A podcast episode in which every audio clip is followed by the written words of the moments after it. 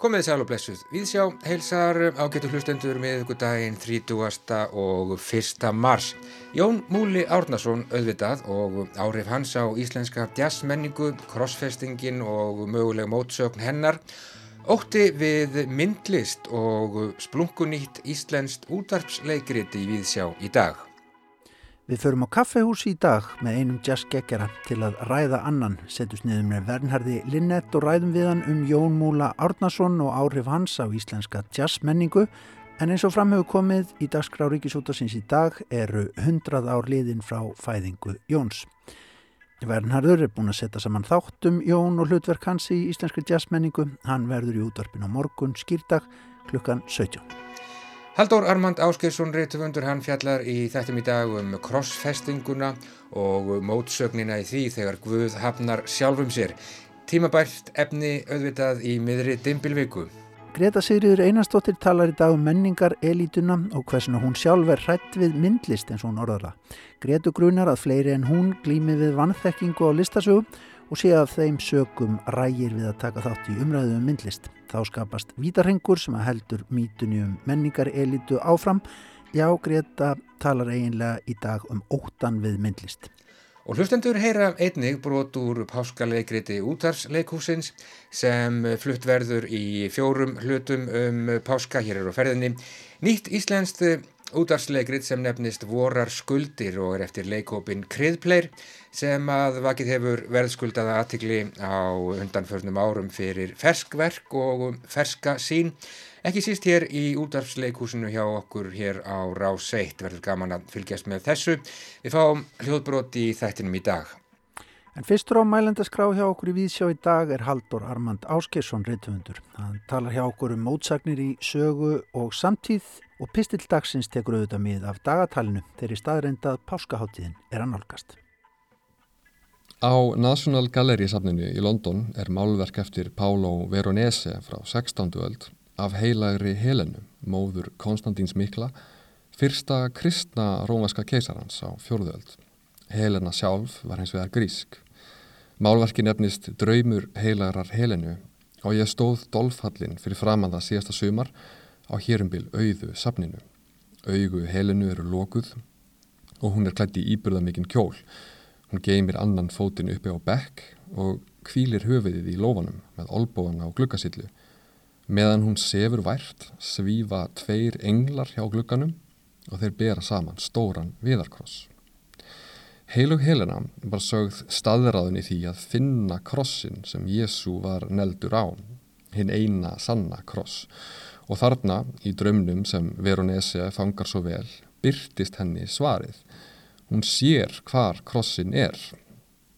Einhverjar heimildir herma síðan að hún hafi stöylast alla leið til Palestínu í kringum árið 326 og grafið þar upp þrjá krossa í Jérúsalem síðan er sagt að lasburða kona hafi snert á alla frjá og læknast við það að koma við eitthera hinn eina sanna kross sem blóð frelsarans lag niður nokkur hundruð árum áður. Þar sem ég stóð þarna inn á National Gallery og virti fyrir mér meistarverk Veronese fann ég svo stert fyrir þeim streng sem lág frá þessu augnabliki og alla leið aftur til fornaldar. Hér var ég á 21. öld að skoða málverk frá 16. öld af konu frá 4. öld sem er að dreyma um kross frá 1. öld 2020 til 1580 til 326 til cirka 33. Líklega var það þessi tilfinning sem kölluð hefur verið niður aldana og ég stóð þarna algjörlega bergnuminn ekki bara vegna þess að verkið er svo magnað heldur vegna þess að þetta var eitt af þessum augnablikum þar sem gáttir tímans ljúkast upp og mér fannst ég allt í einu standa eins og vofa úr framtíðinni yfir Veronese þar sem hann klóra sér í skegginu og mundar pensilin við opin glugga einhvers þar í finnegjum í þann vegin að mála eirað á heilagri heilinu og hugsa með sér, já, hvað gerðist eiginlega þarna á krossinum? Og allt í einu er vofa mín komið til Rómar og ég stend við hliðin á Konstantín þar sem hann leikur sér með marmarakúlur í æsku Hann er bara drengur í fínum sandölum og mamma hans er búin að vera að segja hann frá Kristi og ég er líka viðstatur þegar hann síðan gerist Kristin, fertur að aldrei keisari til 6 ára og síðan 25 til viðbótar Þegar Silvester Páfi eis vatni yfir höfuð keisarans, ímda ég mér að þeir séu báðir að velta fyrir sér ráðgátunni um það hvað gerðist einlega á krossinum. Krossinum sem Helena, mamma Konstantíns, finnur síðan tíu árum síðar eftir að það var síðan í draumi, draumi sem Pálo Veronese málaði síðan á stryga 1200 árum síðar og ég sá síðan tæpum 450 árum eftir það postmodernískur, síðkapitalískur, postguðstrúar reikvikingur með strýpur í Asics-skóm á listasafni í London. Og ég hef hugsað talsvert um þetta sjálfur, alveg síðan frendi minn sem er guðfræðingur opnaði þennan heim fyrir mér. Hvað gerðist einlega á krossinum? Hvernig átti þessi mótsögn allra mótsagna sér stað? Þegar Guð yfirgaf sjálfan sig á krossinum, þegar Guð hafnaði sjálfum sér á krossinum, þegar Guð gerðist Guðlesingi á krossinum, þegar Guð dó á krossinum, dó uppi á hauskupuhæðinni sem hann hafi sjálfur skapað. Og þarna hefur hann í raun lafað alla tíð síðan þau neldu hann á treð. Krossfestingin er einn af þessum atbörðum sem er svo svakalegur, svo ofsafengin og yfirgengilegur að hann brítur af sér hlekki tímans. Eli, Eli, Lama, Sabachthani, Guðminn, Guðminn, hví hefur þú yfirgefið mig? segir Jésu aftur og aftur, árþúsund líða, þyrni korunan, kremur höfuðið, blóðið, seitlar úr hársverðinum niður vangana og heil og helina svarar, ég veit það ekki. Konstantín Keisari svarar, ég er ekki viss. Pálo Veronese svarar, ég er bara ekki alveg klára á því og Haldur Armand svarar, ég er satt best að segja, ég er ekki alveg með þetta.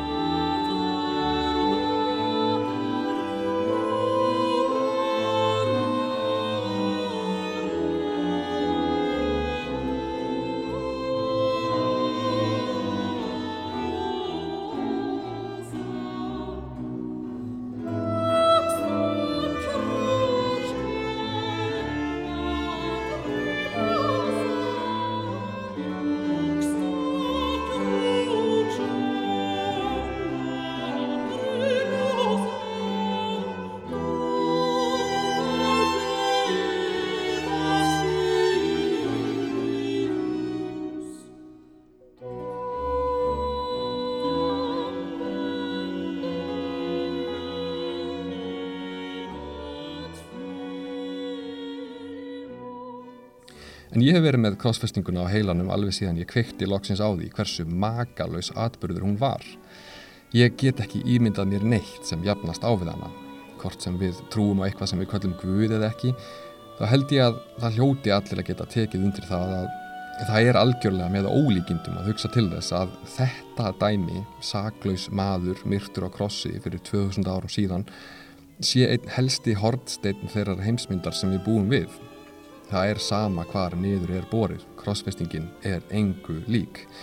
Hún er svo myndræn, það er svo svakalegt að sjá þetta fyrir sér og hún er svo existentialísk og sönn, hún geymir svo djúb sannindi um mannlega tilveru. Hún er svo ægilega sorgleg og dramatísk. Sjáðu Maríu fyrir þér eina og grátandi fyrir framann út hrættan náinn og hlustuð á sálminn sem ómar hér í bakgrunni og sjáðu þetta fyrir þér. Stabat mater dolorosa, juxta crucem lacrimosa, dum pendibat filius. Hinn sirkjandi móðir stendur grátandi við krossin þar sem svonur hennar hangir. Jésu virðist hafa verið heldur þögull þessa klukkutíma sem hann hjekk upp á krossinum. Guðspjöllin hafa bara sjö setningar eftir honum. Það eigur vita skuld á ráðgátuna hvað maðurinn var fámál. En ein leið til þess að líta á það hvað nákvæmlega gerist þegar afkvæmi Guðs deyr er gríska orðið kenosis sem vísar til einhvers konar rótækrar sjálftæmingar. Dæmum þetta hugtak er í öðrum kabla Filippibrefsins þar sem Páll Postuli skrifar um Jésu Hann var í Guðs mynd en hann fór ekki með það sem fengsinn að vera Guði líkur. Hann svifti sig öllu, tók á sig þjónsmynd og varð mönnum líkur. Þegar Jésu gefur upp öndina er Guð að tæma sköpunarverkið af sjálfum sér. Það er hinn æðsta fórn. Þessi hugmynd bergmálar víðar í biblíunni. Sjálfs afneitun og sjálf tæming Krist er fylgjendum hans leiðarvísir um það hvernig á að lifa. Þú lifir fyrir aðra, trúðín á Guð, byrtist í ástinni á öðrum og ást er alltaf öfgafull að elska er að tæmast af sjálfum sér. Ég heyrði eins og skemmtilega kenningu þess efnis að það sé engin trú rótækari en hinn Krista vegna þess að í henni sé Guð sjálfur trúlesingi. Hann evast um sjálfan sig, hann yfirgefur sjálfan sig og deyr síðan inni í eigin sköpunarverki og frelsar hann í heiminn. Er til rosalegri myndlíking um ástina. En hvað rekur menn til þess að myrða Guð? Af hverju var Jésu krossfestur? Ein af eftirlæti senum Guðfræðingsins frænda míns úr biblíunni er í Jóhannesar Guðspjalli 1838 þegar Jésu er nýbúin að halda því fram við Pontius Pilatus að hver sem sé af sannleikanum heyri hans rödd. Og Pilatus segir þá við hann, hvað er sannleikur? Og Jésu bara svaraði ekkert. Pældu í því Dóri, saði frændi minn við mig þegar hann lasið upp fyrir mig. Gaurinn fattar ekki að hann er með sannleikan beint fyrir fram að nefið á sér. Og við þetta varð ég einhvern veginn ástfangin á þessari senu líka, bæði vegna þess að það er nóg að frendi minn dyrkir hluti til þess að ég dyrkið á líka, en líka vegna þess að hún geymir þennan yfirgengilega sannleika um sannleikan sjálfan. Það er sama ástæðu fyrir því að Jésu svarar Pílatissu ekki um hvað sannleikurinn er og að hann var síðan myrtur á krossinum. Hún er svo að menn ráð ekki við sannleikan. Sannleikurinn er það síðasta sem menn vilja heyra. Já, Haldur Armand Áskesson og krossfestingin mótsögnin í því þegar Guð hafnar sjálfum sér. Haldur talar um mótsagnir í sögu og samtíð hér í Víðsjá venjulega á 50 dögum en eh, það er engin Víðsjá á morgun skýrdag og eh, já, auðvitað tímabært og við hæfi að koma þessari hugleðingu í loftið nú í miðri dimbilviku. En eh, páskaleikrit útarsins, útarsleikhúsins hér á Ráseitt er nýtt verk eftir leikhópin Kriðpleir sem nefnist Vorar skuldir en verki verður flutt í fjórum hlutum nú yfir páskaháttíðina. Félagarnir Friðgeir, Árni og Ragnar fá einstakt tækifæri þegar þeim byggðist að taka yfir heimasölu á húðvörum. Nú er bara að koma kremunum aftur í verð áður en þau skemmast og rétta við fjárhægin í eitt skipti fyrir öll hvað gæti mögulega farið úr skeiðis. Leikarar í verkinu eru Árni Viljámsson, Friðgeir Einarsson, Ragnar Ísleifur Bragason, Hjörtur Jóhann Jónsson, Ylva Öspu Áskelsdóttir, Haldóra Geirhardsdóttir, Ástildur Sigurðardóttir og Þorstein Bachmann. Hljóðvinslu annaðist Gísli Kjaran Kristjánsson. Höfundar og leikstjórar, já, Bjarni Jónsson, Árni Viljámsson, Ragnar Ísleifur Bragason og Friðgeir Einarsson. Þetta er sem sé leikhópurinn Krið Pleir. Við skulum grýpa niður í þessu forveitnilega verki, einlega hitt okkur upp fyrir það sem framöndan er. Við skulum fara beinustu leið í blá byrjununa, gjör þið svo vel.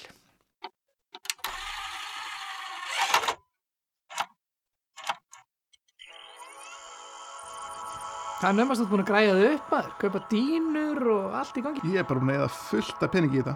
Ég byrjaði alltaf að kaupa leifi af gaurnum, hann er sérmentaður öndunafræðingur. Leifi til þess að vera með öndunanámskeið. Leifi til að anda, kallum minn. Allt enn og til. Lýst ykkur ekki vel á herbyggið? Jú, jú, þetta er bara mjög kósi. Ambiðsið þarf að vera í lægi, þú veist. Þegar fólk kemur inn í svona, þú veist, allt þetta first impression dæmi. Ambiensið. Já, bara væpið, þú veist, Já, výbrutnar. já, já, já, algjörlega. Átni, má borða þessa ávexti? Fyrir þetta er enda skraut. Já, ok, já. Þú svangur eða? Já, Erðu, kíkjum að Mandi bara eftir. ég, ég má eiginlega ekki vera að því, sko. Hvernig fyrir norður? Ég er bara að fara núna á eftir. Mandi, þetta er bara hálftíma dæmi. In and out, no problemo, sko. Erst þú á bíl? Já, já, já, já. Ég verður reyndar að vera komin heima áður en Ari kemur á æfingu. Jæja, hvað séð? Ef ekki að byrja? Jú, herðu, drífum okkur í þessu bara. Skellum okkur í öndununa. Já, ok, sem sagt. Velkomnir, Friðgjur og Ragnar. Gaman að sjá ykkur. Árni Viljámsson heiti ég og verð eh, leiðbynandi ykkar hér í dag og bara takk. Takk fyrir að nenn að mæta og taka þátt í smá pröfu eða æfingu fyrir öndununámskeiðin sem ég ætla að hafa. Formlegt eitthvað. Fáu ykkur sæti bara hérna á gólunu, bara einhver staðar þar sem ykkur finnst þægilegt og uh, mér langar til að opna þetta á einni spurningu. Hver er líkillinn að góðri geðhilsu að ykkar mati? Friðgert til dæmis? Þú? Uh, bara peningarnir. Það var bara heilbrið fjármál. Það var heimilisbókaldið í lagi. Eða þú veist, eða það er í lagi þá kemur allt annað svona sjálfkrafa í kjölfarið. Það er mínu reynsla. Mitt, þetta er bara mjög góða punktur. Uh, Ragnar, ert þú með einhverja hugleðingu? Já. Góðir eldusnývar. maður getur orðið alveg rugglaður á því að skera með vondum hnífum Ragnar, er, er þetta eitthvað grín? grín Já, ef bara- þetta er ekkert í hug þá skaltu bara ekki segja neitt hafið prófað að skera tómat með lélegu hníf eða lauk, það er bara vonlaust sko Við getum bara sagt að geðhelsa byggist á alls konar, eða ekki? En, en sko gæði geðhelsunar hefur líka heilmikið að gera með öndun og að anda rétt. Ok, nú skulum við bara tengjast í róliheitunum, bara tengjast líkamannum, tengjast hver öðrum, tengjast rýminu, hvernig gerum við það? Bara með því að loka augunum og, og slaka áragnar. tengist þið líkamanna með því að loka augun Hvað, gerðu bara eins og Átni segir, Ragnar Þú veist, Ég get ekki verið að hanga í þessu í allan dag Ég hef eftir fimm tíma akstur og siglufyrr Er, er- en Friðger, ertu kannski til að sitja svona eins og við Ragnar? Það er langt best að vera svona í lótustellingunni, þú veist. Já, það er bara málið er að ég er smá styrður Ég voru að hlaupa hálfmarathón í gær og er eitthvað svona strengi Er þetta ekki til að vera með okkur hérna á gólfinu samt? mm, Jú, Það er já, já skrítið að hafa þið svona yfir okkur í stól. Herðu, hvað eiga svona öndunarræfingar eiginlega að gera fyrir mann? Er ekki nóg að gera venjulega ræfingar? Bara eitthvað svona basic? Ah! Á, fokk! Veitu, hvað? Hvað er allt í góðu? Ég steig á eitthvað. Hvað er þetta? Lego-kuppur? Herðu, það er enda slómið þegar við komum inn í herbyggið. Nú, hvað? Ég fór að hugsa hvort að fólki ætti ekki eftir að finna skrítið að borga sig inn á öndunarnámskeið sem er haldið í badnaherbyggi. Ertu að nota herbyggið hennar Agnesar? Þetta er hennar herbyggi. Já, ég fannst Það það er ekki hérna bakvið, hérna, hvað er þetta? Bakvið. Bíddu, Já, Friðrik Dór eða? nei, þetta er Jón Jónsson, er það ekki? Já. Ég passa náttúrulega upp á að vera með námskeið, veist, vikunni sem hún er ekki hjá okkur. Hm. Og þetta er GTRN, þarna á baki fánan. Hver er það? Ég geng frá öllu dótunennar og í kassa og, Ok. og hérna, og þú veist. Herru, ok, en, en ef að halda áfram, bara loki augunum og, og, og slakið á. Og við, við byrjum á að anda djúft ofan í maga. Ég held ég að vera þetta aldrei að anda ofan í maga. Ég er bara mjög hamingi saman þrátt fyrir það sko. Líður bara mjög vel og... Gleima hvað er óþægilegt fyrir lótustelling Já, nákvæmlega, maður situr í mjög langan tíma. Ok, Sammála? herruði, hérna, sleppnum þessu bara. Ha, Já, brot úr páskalegriti útarsleikúsins hér á Ráseitta þessu sinni. Þetta var upphafverksins nýtt útarsleikrit eftir leikhópin Kreðpleir, höfundar og leikstjórar. Bjarni Jónsson, Árni Viljámsson, Ragnar Ísleifur Bragason og um, Friðgeir Einarsson. Verki verður flutt eh, eins og áður segir í fjórum hlutum hér á Ráseitti yfir páskaháttíðina. Fyrsti hlutin fer í loftið stundvistlega klukkan eh, 15 klukkan 3 á morgun skýrdag og það verður á nefa mjög gaman að fylgjast með þessu. En þá að allt öðru ágættu hlustendur við skulum snú okkur að myndlist og myndlistarkennslu og kannski menningar elitu. Greta Sigriður Einarstóttir, hún segist hreinlega vera hrætt við myndlist og við skulum heyra hvers vegna. Ég á mér leyndamál. Ég ætla að treysta ykkur fyrir því en ég verða að byggja ykkur að fara með það eins og mannsmorð. Ég er hrætt við myndlist. Það er strax þungu fargi af mér létt að ofinbera þetta. Málið er að mér er alls ekki sama um myndlist. Þvert á móti hef ég mjög gaman af henni og vil gerðan vita meira um hana. Ég er hins vegar hrætt við að viðurkenna að stundum veit ég bara alls ekki hvort mynd sé meistarverk eða klessuverk. Stundum sé ég verk eftir mikilsmetna listamenn og hugsa bara, hm, ok. Hins vegar sá ég einu sinni lampa úr pappamassa eftir íslenskan myndlistamann sem ég hafði ekki hýrt um fyrr. Lampin var í læginu eins og ólögulegur hamstur og ég get ekki hægt að hugsa um hann. Listasögu kennslu á landsbyðinni á tíunda áratögnum var ábótavant. Tónlistarsögu lærði ég í tónlistarskólanum og bókmæntasögu á þremur mismunandi skólastegum. Þegar kemur að myndlist er hins vegar eins og það sé einhver óttablandin virðing í loftinu, eins og það sé hreinasta listin og það að reyna að útskýra hana, sérstaklega fyrir börnum, sé að sörga hana. Þau myndu heldur ekkert skilja þetta hvort sem er. En það var ekki bara það að ég lærði ekki um myndlist í skólanum, heldur verði ég mun minna vör við umræðu um myndlist í fjölmiðlum og samfélaginu almennt. Með grunar stundum að almenn þekking og skilningur á myndlist sé ekkert mikið meiri en minn eigin. Þetta gati þekkingu minni háir mér á fullorðins árum. Þegar ég kem inn á myndlistarsöfn eða síningaropnun er ég alltaf með óþægilega tilfinningu í maganum. Eins og á hverju stundu minni víkja sér að mér maður í svörtum fötum með áhugaverða hárgreislu og spyrja mig hvað ég sé að gera þarna. Jafnvel byggja mig að sína sér boðskort sem ég geta sjálfsögð ekki framvísað. Ég er döðstressuð að mæta á listasýningar af óta við að einhver myndi spyrja mig hvað mér fyndist og ég þyrti að ofinbera vannþekkingu mína. Eftir mentaskóla fór ég í ferðalag um Evrópu með vinkunum minni. Í hverju einasta þjættbíli á meginlandinu er að minnstakosti ein kirkja sem ferðamennum er bent á að skoða. Við heimsóttum margar tilkomum miklar og listilega skreittar kirkjur af hreitni skildurækni. Þegar líða fór á ferðina urðu váin okkar æð þreytulegri. Kirkjulist Evrópu rann saman í eina stóra mynd af glasegðum dýrlingum fyrir mér. Nokkrum árum setna skráði ég mig í sumaráfanga í Róm um enduristnartímabilið. Þar skoðaði ég einnig margar kirkjur. Í þetta skiptið voru hins vegar markfróðir list og sagfræðingar með í för. Það var allt annað að skoða þessi aldagamlu listaverk þegar einhver var búin að útskýra fyrir mér hvers vegna þau urðu til. Ég skildi merkinguna að baki öllum skjaldarmerkinum sem skorin voru í loftið og fekk að heyra um myndmálið sem hefði verið almenningi augljóst á sínum tíma. Bara það að vita hvers vegna Móses er með horn eða að hægt sé að þekkja dýrlinga á hvort þau séu með augu í krukku eða vakkjól með í för, breytir öllu. Nýverið kom út fyrsta tölublað nýs tímaritt sem myndlist.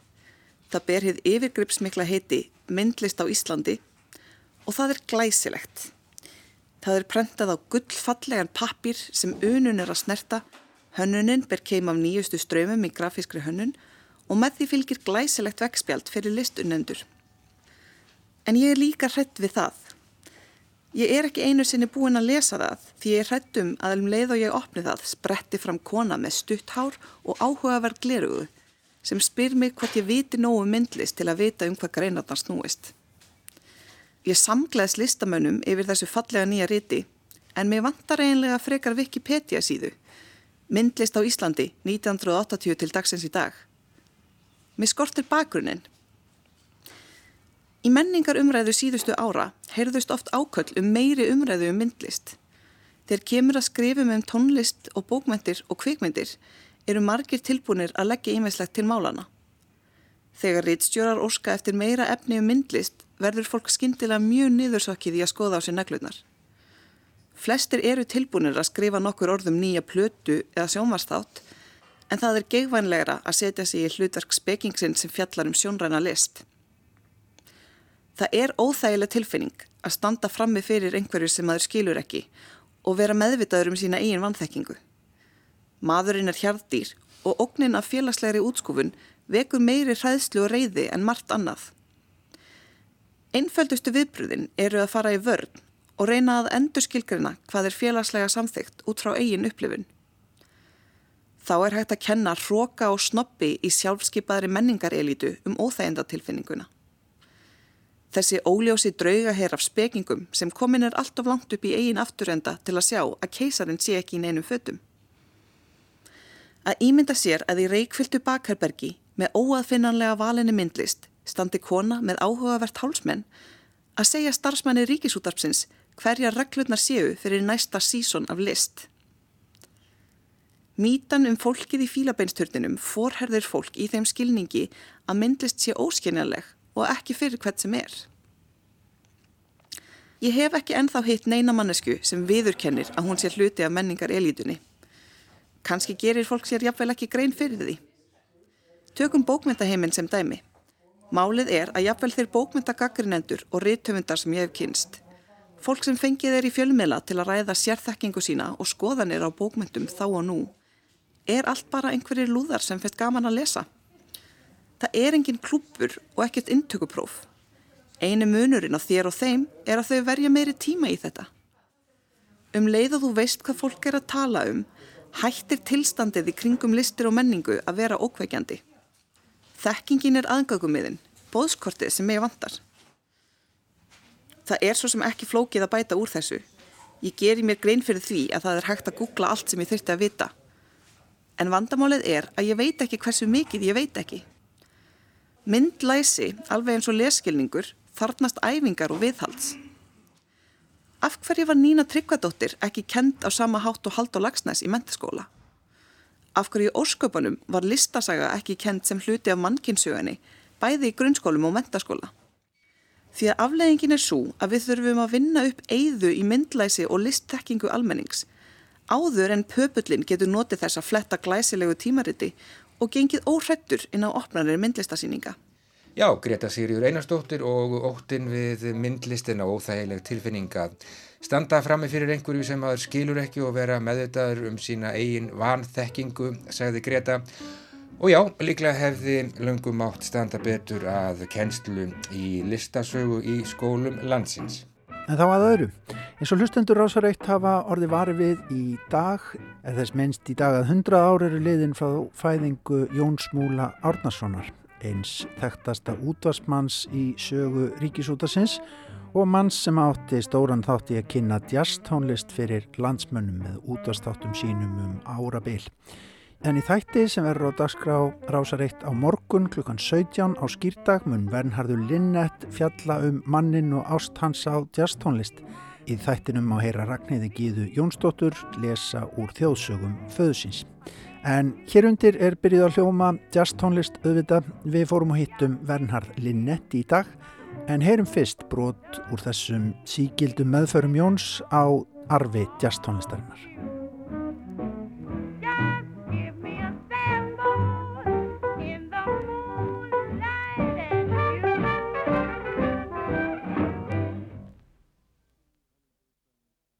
Komið sæl. Billie Holiday söng A Sailboat in the Moonlight eftir Carmen Lombardo. Einn Lombardo bræðrana í Royal Canadians hljómsveitinni. Ekki voru þeir bræður þó beinlinis af konungakynni svo leiðis en urðu alltaf einu á fyrirluta aldarinnar há yfir hirspilarar í samkvæmum Rockefellara, brúðkaupum Vanderbilta, Vorgleði Morgana og sumar háttíðum fína fólksins í USA sem borgaði hæst kaup. Lésu þá bræður gerðnan á grátlúðra í einum kór en svo var saxofónskur hljóðfæra sláttur af þeirri sort nefndur hér á landi í árdaga ríkisúthars. Vernhardur Linnett, við erum sestir hinn á kaffehúsi í borginni við Ídlanleik búin að skrá okkur inn eftir kunstarinnar reglum sko við ætlum að ræða Jón Múla Átnason á Amalistegin manns fættur fyrir nákvæmlega hundrað árum. Þessi hérna miklu útastmaður og, jazzgeggjari og jazzfrömuður okkar íslendinga. E, Rivjum upp fyrstu kynni. Hvenar kynntist þú Jóni fyrst? Hvernig voru þau kynni? Sko ég kynnist Jóni 1967 og ég var þá mikið í samfunnu við Þráin Kristjánsson með Jazzklub Reykjavíkur. Þráin var þjóttni í, í hérna tjarnabúð og það voru fengnir bara einu sinni mánuði í það minnsta erlendir toppsólista til Íslands sem að spiluðu með íslenski hreinsveit sem var þá alveg sko alvöru. Það hefði ekki verið alvöru hreinsveit til að spila svona með erlendu gestur fyrir þá allra síðustu tíma og okkur dætti ég að fara að gefa út jazzblad hittum í prensmiðinni Svafa Gjess sem hafði gefið út jazzblad í enn 5-6 ár hér í gamla daga. Og hann sagði, eru þið geðveikir? Já, við gáttum ekki annað sagt. Það kom út eitt tölublad og tapið var mikið. Og þá dætt mér ég að hafa svona blindfold test. Og hver var maðurinn í það annar en Jón Múli Átnarsson og við hittumst að sjálfsög á mjög góðum stað. Ég var þá í fórustu fylkingarinnar eða æskulís fylkingarinnar hér þá upp á lofti fylkingarinnar í tjarnangurðu 20 og þar leið Jóni Múla mjög vel. Þar þekkt að hvern krók og kema í því húsi. En dæmdur maður 49 fyrir uppreskjæk valdhöfunum. og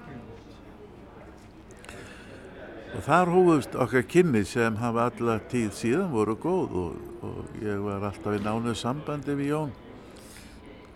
Og ég maður nú ekki að hrósa sér mikið svo sem að því sem hafi gert er eitt af besta sem að hrósing ég hef fengið á æfinni sko það var þegar sérfræðingur Íslands í Duke Ellington ég gerði fjóra þætti um Duke Ellington 100 ára ringdi og sagði þetta var nú bara helviti gott hjá þér það var Jómúli það var betra að hafa hann sín megin í átnum Gótt kvöld Við stöndum að ymsu leiti all vel að víi þegar hefst þáttur Dugalingtons í jazzsögunni. Plötugerð hefur lagast mikið, ekki síst fyrir tilstuðlan hans. Dugalington er fyrsti maðurinn sem fer að þreyfa fyrir sér og gera alvöru tilraunir í upptökusal og nota hljóðnema af einhverju viti. Kanski vegna þess að hann verður frá upphafi Cotton Club dagana að hafa náið samstarfið útvarsmenn. Það fylgdi með í samningum að útvarpa skildi frá klúbnum að minnstakosti einu sín í viku.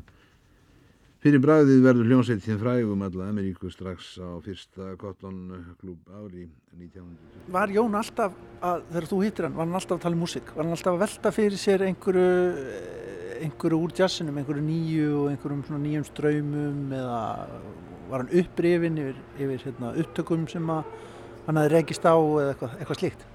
Eh, Jón Múli fylgist, eftir að ég kynnist honum, þá fylgist það nú ekki mjög mikið með því sem var að gerast í jazzheimunum. Millir 60 og 70 þá er þetta mikla, mikið bilding í jazzheimunum, frjálsjazzin kemur upp og Jón Múli var ekki á þeirri línu. Ég man að ég spilaði Brandful Test fyrir hann Coltrane og hann sagði þetta myndi ég að segja að væri interessant ef að höfundur væri viðstættur. Það er harður dómur. Já, en aftur á móti einn af helstu frjáls saxafónleikurum allra tíma, Arsi Shepp, sem kom hingað úr úrækjanu sinni. Hann fjall Jóni Geð því að hann var undir áhrifin frá Ben Webster, rátt fyrir allt. Og ég maður það að ég kendi þóllásafn á þessum tíma þannig að ég var ekki bænu nefnum helgar. En Jón fekk lánaði hjá mér eina plötu með Assi Sheff, Fine Music, þar sem in a sentimental mood með eftir Ellington var spilað og Jón spilaði þetta meir og minna og sagði þessi plat er bara til og kennarastofinni þóllásöfn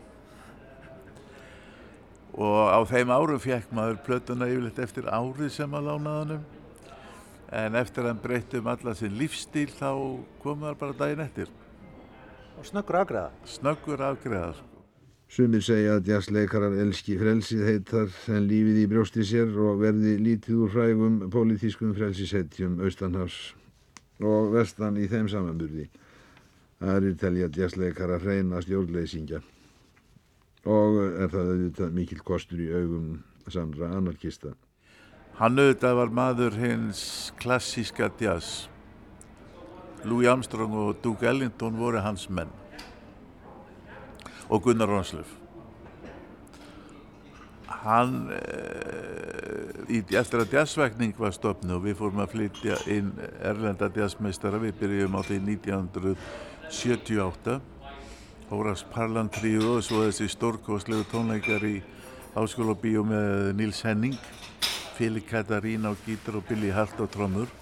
Það var þá þegar allir ungu strákarnir komu, ekki til hlust á Nils Henning, allir hinnum komu til þess, heldur gítaristan Fili Katarín og Fridrik Karlsson og Björn Tórótsen og þessir, þeir, þeir bara fóru að spila jazz eftir það. Tómas Einarsson var þarna og svo framins. Þetta var, þetta var svona það áhrifamesta í íslenskum jazzi þegar jazzbildingin byrjar 68. Það er sem sagt starfjazzvækningar, það er stofnun tónlistaskóla FIH. Guðmundur Ingólfsson kemur heim frá Nóri og Guðmundur var með jazzklúb á þrem stöðum í borginni, spila einu sinni í viku hverju. Það var djúpið, það var á næstu grössum og það var stúdendakellari. Jón Múli kom ekki mikið svona á þessum árum er hann mikið hættur að fara á uh, svona klúpa. Hann kom alla meiri hátta tónleika, hann var þetta heiðus félagið jazzvakningar og við byggðum á alla tónleika og hann mætti yfirleitt en það gerist þetta með aldrinum að menn uh, hætta þessu útstáilsi öskunar. Það bara er lífræðilegt lögumar. En ég man alltaf eftir Jóni Múla, hann, þegar Art Ensemble og Chicago kominga, við heldum tónleika með þeim á Broadway. Það, við byggust við svona 300-400 manns, þannig að stæði undir sig, það voru 800 manns. Sumir heimtu endugreislu þessi stóðu í klósettin það var svo mikið stjórsta niður. En Jón svona tók þessu með varúð. Þeir voru að vísu í afrískum búningum og voru með daldi sjó en þetta var ekki tónlist sem höfðaði til hans. Aftur á móti voru við einu sinni saman á einn af þessum norrannu sérfræðingar ástefnu sem voru. Þessari frægu í Oslo svo voru önnur í Kaupanöfn þegar hann segir þessa setningu sem hefur lífað meðan íslensku djastjóðarinnar þegar norrænir eksperta voru að spyrja okkur eru því Íslandingar ekki farabróti í norrænum djassi? Því það hefði amerískan hér þá söði nú aðeins á Jóni og hann sagði The US Army is not a jazz band Eru margar sögur einnig sagðar af rótleysi að ekki sé nú talað um ábyrðarleysi jazzspilara. Útlendur jazzfóringi sem hefur aðtýnu að því að flytja fræga kappa millir landa sagði mér eitt kvöld fari sínar ekki sléttar þar sem við sátum á skemmtistað og vorum að býða eftir frægum kontrabassasnillingi úr Ameríku. Hann hafði verið ráðinn þarna til að spila, svo var síminn og þar var komin bassin. Hann sagði það var breytt um áætlun og væri búin að stofna nýja hljónsveit í París og ætlaði í hljómleika för suður á miðjararhafströnd. Þarna sérðu, þarna er þeim rétt líst, sagði agentinn. Þó er þetta nú ekki mikið á mósvið trombetleikaran sem kom í gerð. Ég var búin að útvega honum og konu hans fína íbúð, en í fyrradag að senda mér skeiti frá New York og sagðist vera skilinn, nú vildan bara eins manns hótelherbergi. Og ég var ekki fyrirbúin að ganga frá því, en hann ringdi frá London og sagðist vera búin að ofinbera trúlofun sína með indislegri breskri stúlkum. Þau ætluði að gifta sig einhvern næstu daga og nú vildi hann fá íbúðina sem ég var búin að segja upp. Svona er þetta alltaf með þessi helvíti, saðan. Og nú þarf ég að fara að redda bassaleikara í staðin fyrir hljómsveitarstjóran af Kota Sýr. Ræðum aðeins jazz útvarsmannin, Jón Múla. Hann hérna skiptir náttúrulega miklu máli bara í að kynna þessa músik í íslensku útvarpi, ekki satt? alveg öllu máli hann segir nú frá því í þjóðsögum sínum uh, þegar Einar Pálsson byrjaði með uh, þátt í útvarpinu sonu tónlistastjórnans Páls Ísvarssonar og alltaf hafa svona jazz í einhvern vissan tíma í þættinu og hann byrjar að spila Ellington og ruggla saman sólistónu sko, þetta var ekki sundur. Svo Jón skrifar honum og segir þetta gengur ekki upp kallin minn. Og þá segis Einar Pálsson og viltu ekki bara sjálfur sjá um þetta? Finnst þú svona klár? En Jón var auðvitað orðin vel að sér í jazzmusík því hann hafði keft sína fyrstu plötu með Red Nichols Five Pennies þetta er engin sem hann eftir Red Nichols og það mann engin eftir myndinni sem hann gerð um hann með Danny Kaye í hlutverki. Ég man vel eftir henni, ég, ég átti hann á plötu sko, ég á plötun ennþá heima. Myndi sjálf var já. En soundtracki frábært. Sándrækki frábæð sko. Þetta er tónlist æsku mínur það er ekkit annað. Red Nichols var tónlist æsku Jóns Múla fyrsta plata sem hann kefti og fyrsta sem hann lustaði á Nú, og Jón held alltaf upp í vörnum fyrir Red Nichols og maður er nú aðeins að nýti hann því Red var svona já, hann var svona í, í öðrum flokki sem, sem trompetleikari. Hann var með fína dansljómsveit og svona en hann var ekki Louis Armstrong eða Big Spider Band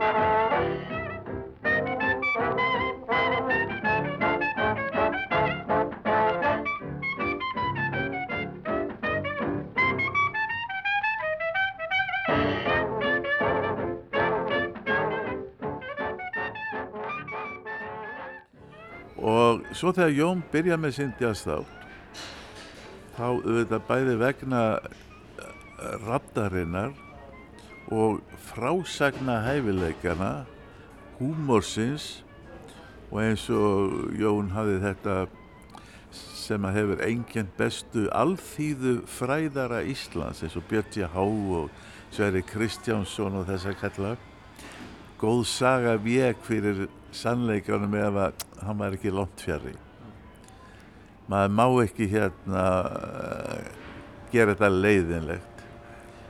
Ég að vísu sko heillast að jazzi bara á einu lægi sem ég heyrði í útverfi 11 ára gama Jerry Mulligan og Bob Brookmeyer að spila Walking Shoes og það var í september 1955 en þá var Jón ekki með þáttin þá kom fyrir að hann tók pásur. Þá var Björnar Einarsson með þáttin en það var nú lægið en ekki frásögnin sem að uh, fór inn í hjarta mitt. En ég hlustaði alltaf á, á múlan bara alla yfir þá getur hann hætti og hann hefur haft gífuleg áhrif á mig þar að segja málfarans og hvernig hann segir frá tónlistinu og svo þetta er það sem að verður að hafa ef maður er með svona kynningar og annað þú verður að þú verður að vera áróðusmaður þú verður að þú verður að brenna í andanum standa með efninu líka algjörlega brenna í andanum þegar maður er að búa þessa trú eða þessa tónlist. Í upphafi er þó gott að hafa nokkrar staðreindir í huga. Þess er bandarísk músík og bandaríkin ekki nema rúmlega tveggja alda gömul. Ekki eru nema 500 ár síðan Kristófer Kolumbus sildi vestur í Indialönd á Sankti Marju.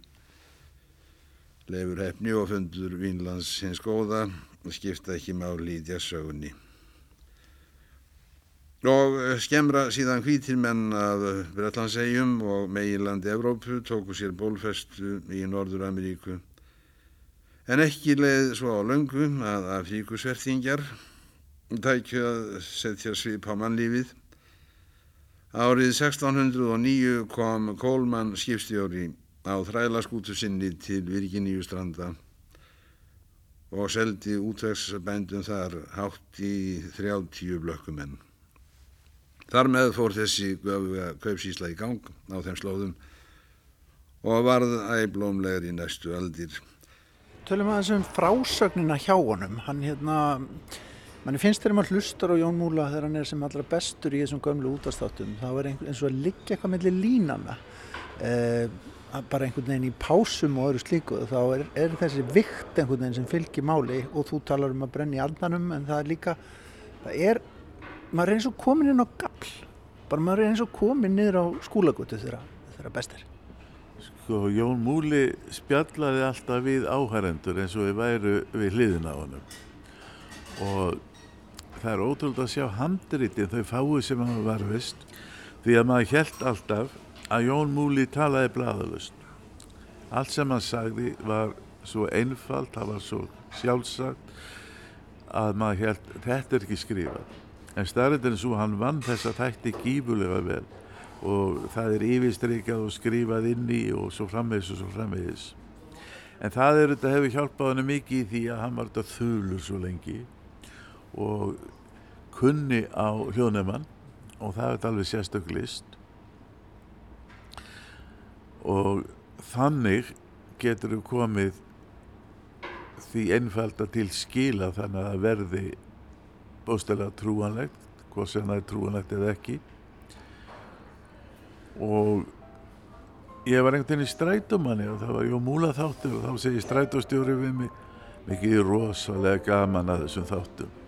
Já segja þú er jazzmaður. Nei ég ekkert gaman að jazz. Það var bara Jón Múli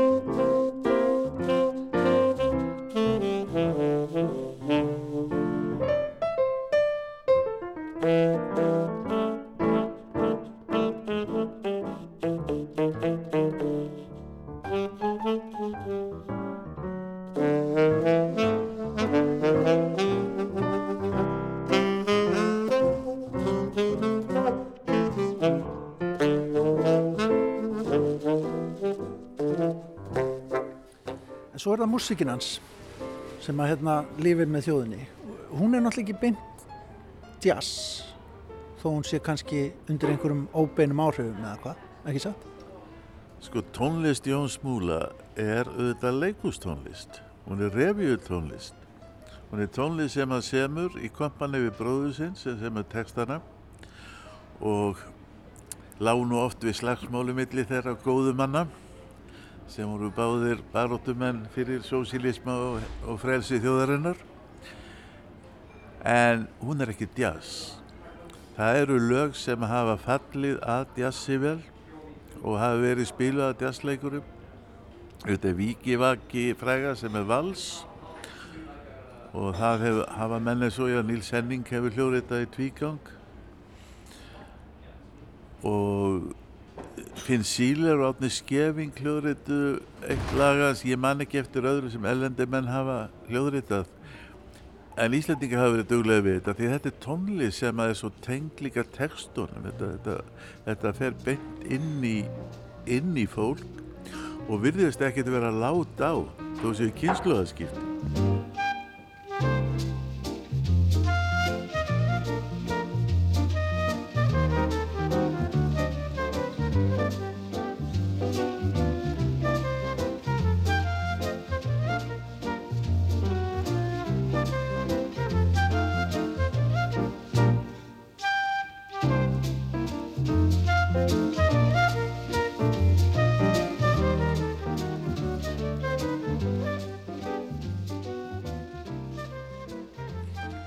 Þetta er maður sem að horfi mikið í vestur uh, út af músikinni en vill svo ekkert með það samfélag mikið hafa. Hann er, hann er náttúrulega eldheitur á móti hérna, bandarískri heimsvaldastefnu og, og er algjörlega hinumegin í, í þessari tvískiptu veröld kaldastrýsins. Já, við skulum ekkert skafa utan að því, hann var sannu kommunisti og staðrinda var svo að, að jazz átti sér já, marga og fleiri formalendur sem voru félagar í þessu sósílistaflokki Íslands heldur en sjálfstæðisflokknu. Það var líka hægt að skýra þannig sko að þetta var tónlist hins kúaða minni hluta svartra bandarækjamanna sem voru að berjast við kvíta ofurveldi sem kúaða og gerir það enn.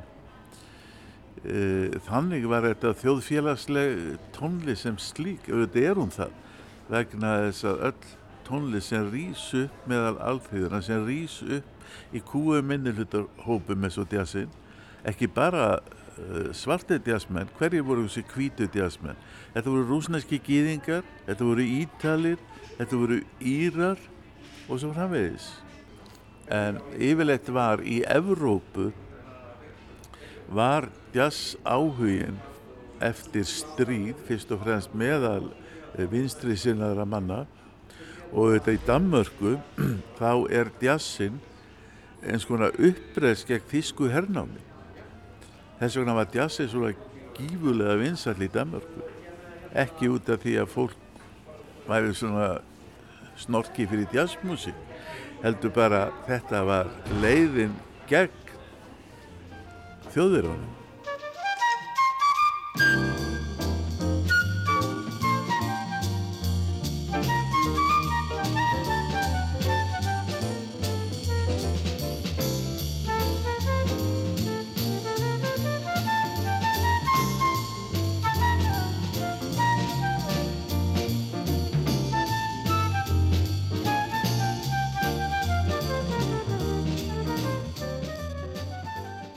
En Vernharður, þú, maður heyri það að þú minnist Jón Smúla með líhug en hvernig var að koma á eftir honum svona og til þess að uppfræða þjóðuna um, um listisendir jazzins svona á, á, á hérna á rás 1 eða ríkisútvarpinu sem það hérna alltaf bara þá?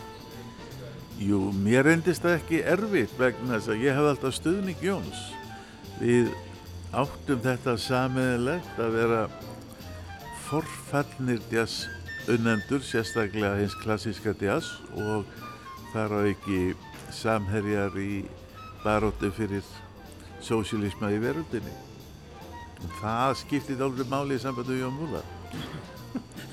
hann, það var eins og í öllum alvegum samskiptum að, ég menna, ef menn hafa svona sameigilegar hugssjónir þá, þá bræðast menn betur saman. Það var tenging. Það er tenging, sko.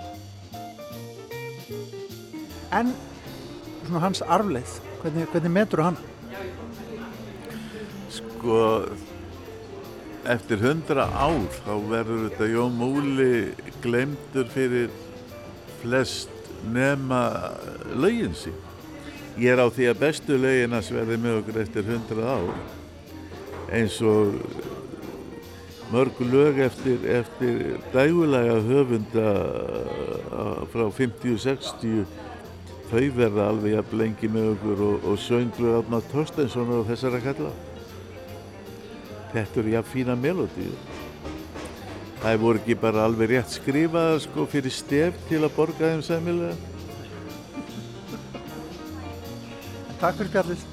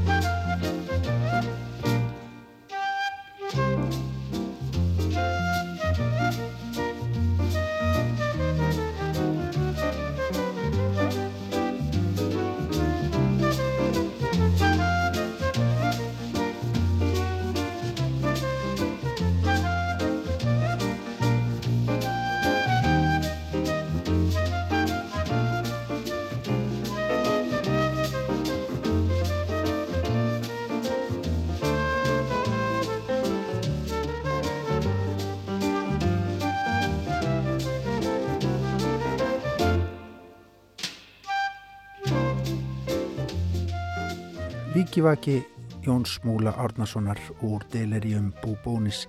Það var hér hljómsveit Magnús Ringimarssonar sem að leik. Við bendum á þátt Venhars Linnett á morgun klukkan 17 um félagasinn í jazztrúni Jón Múla Árnason 100 árliðin frá fæðingu Jóns Múla í dag. Og svona ljúkum við viðsjá í dag og þessa vikuna páska hátíðin framundan. Við höldum okkur til hljés rétt á meðan við sjá hér aftur á Daskar á Rásareitt laust eftir klukkan fjögur á þriðjudag. Hafið það gott og njótið páska hátíðarinnar. Takk fyrir samfélgin í dag. Kærlega verið sæl.